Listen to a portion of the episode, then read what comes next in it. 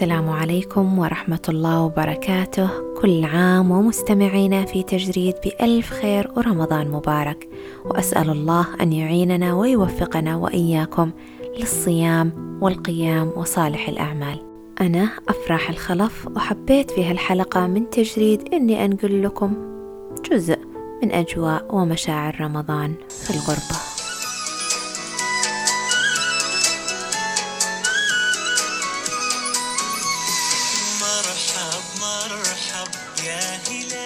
رمضان السابع في الغربة في قارة ثانية بعيدة عن الوطن والأهل.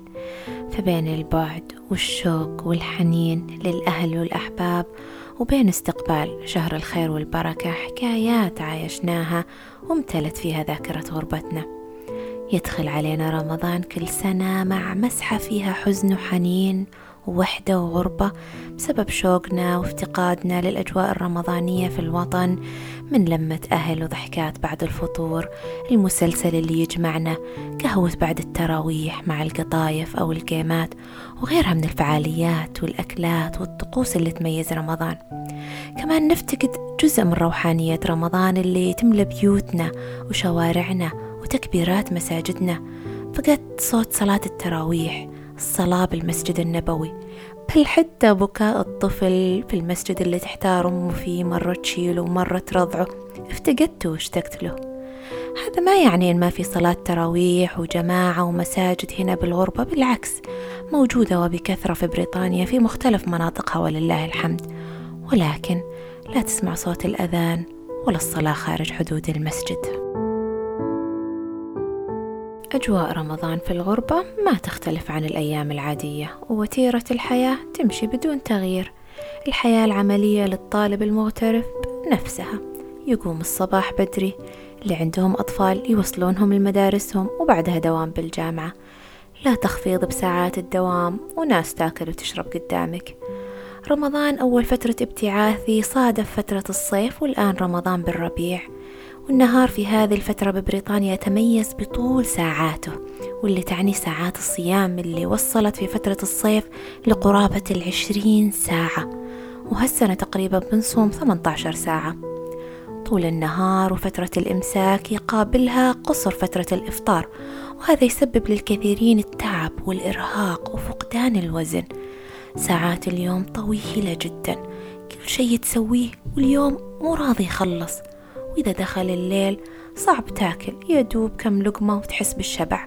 وبحكم أن الليل قصير مثل ما أسلفت ما في وقت للسحور والفطور هي وجبة واحدة في الغالب.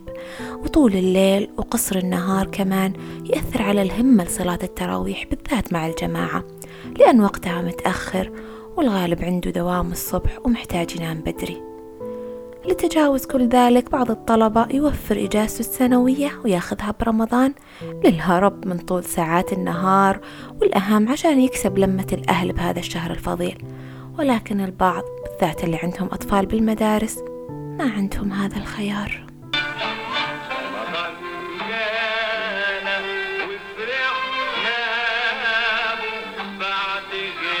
بالرغم من اللي قلته من المشاعر اللي نواجهها كمغتربين مشاعر حزن وفقد وشوق وبالرغم من التعب اللي نشعر فيه بسبب طول ساعات الصيام وبسبب التكليفات اللي ما تتغير علينا ومتوقع منا نفس الجهد ونفس العمل إلا أن صيام المسلم في بلاد المهجر إن صحت التسمية أو خلينا نقول في بلد الابتعاث يظل فرصة ثمينة لاستشعار العديد من القيم الروحانية اللي بديت أحس بلذتها ومتعتها في رمضان الثالث في الغربة.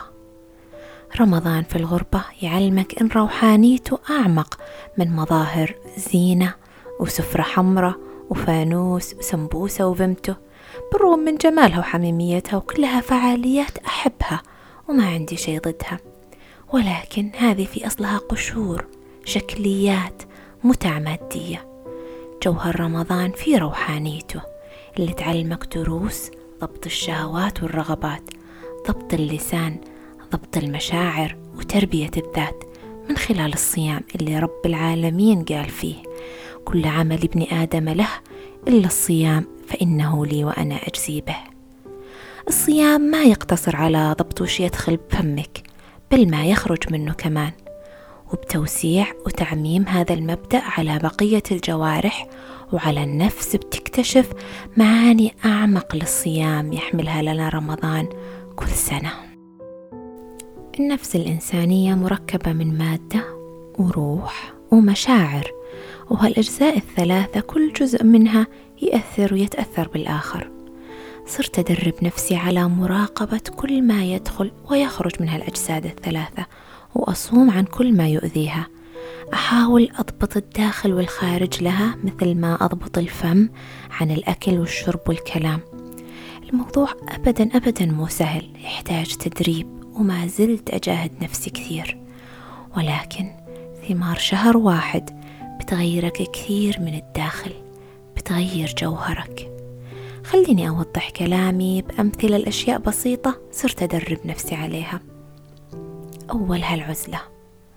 وضحت ببداية كلامي إن من أكثر الأشياء اللي يفتقدها المغترب برمضان هي لمة الأهل وهالشي يخلي أي شخص يحس بقيمة الأهل بشكل أكبر. ولكن دام وصل الأهل صعب فقلت أجرب العزلة. ليست عزلة مطلقة بالتأكيد لأن عندي الكثير من الالتزامات العائلية والدراسية. ولكن المقصود إني أقتطع ساعات من يومي أعتزل فيها. العزلة بالمعنى الروحي اللي هدفها الوصول إلى صفاء النفس اللي تعتزل فيها بالإضافة للطعام والشراب الناس قدر المستطاع وتختلي برب الناس. تراقب وتتأمل فيها مكنونات نفسك من أفكار ومشاعر ومعتقدات. تشوف تأثير هالأفكار والمعتقدات في تشكيل حياتك وتحاول تفكك من وين تبنيتها. وتعدل الغلط منها. تراجع بهالعزلة ذنوبك وتتوب وترجع لله. تستأنس فيها بقراءة القرآن وتدبر آياته. يقول الله عز وجل كتاب أنزلناه إليك مبارك ليدبروا آياته وليتذكر أولو الألباب. الألباب منزلة رفيعة لأصحاب العقول. بينت لي أن الأهم من عدد الختمات إيش اللي تضيفه وتغيره فيك هذه الختمات؟ طول نهار رمضان بالغربة يعطيك فرصة تخلق هالخلوات وتتقرب فيها لله عز وجل أكثر بالطاعات تستأنس بعزلتك بالذكر والدعاء.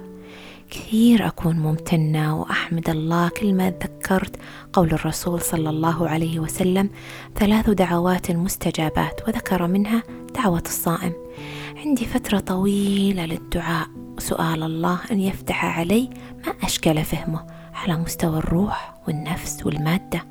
العزلة هذه لها قيم روحية ومشاعرية عظيمة. تنقلك من مستوى لآخر أوسع وأرفع.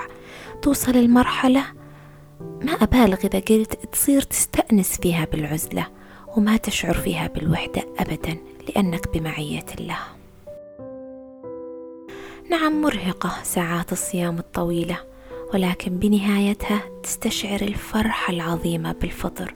ودائما أتذكر قول رسول الله صلى الله عليه وسلم للصائم فرحتان يفرحهما إذا أفطر فرح وإذا لقي ربه فرح بصومه. فأدعي من قلب يا رب ذقت الأولى وأسألك يا رحمن يا رحيم ذوقنا الثانية. بهالشي اللي أنا أسويه أستدعي وأستشعر قيمة البهجة. لما أشبع بعد الفطور من اللقمات بدل ما أصل لمرحلة التخمة والكسل من كثرة الأكل. ومين منا ما يعرف إغماءة ما بعد الفطور؟ استشعر قوله صلى الله عليه وسلم ما ملأ ابن آدم وعاء شرا من بطنه. بحسب ابن آدم لقيمات يقمن صلبه فإن كان لا بد فاعلا فثلث لطعامه وثلث لشرابه وثلث لنفسه.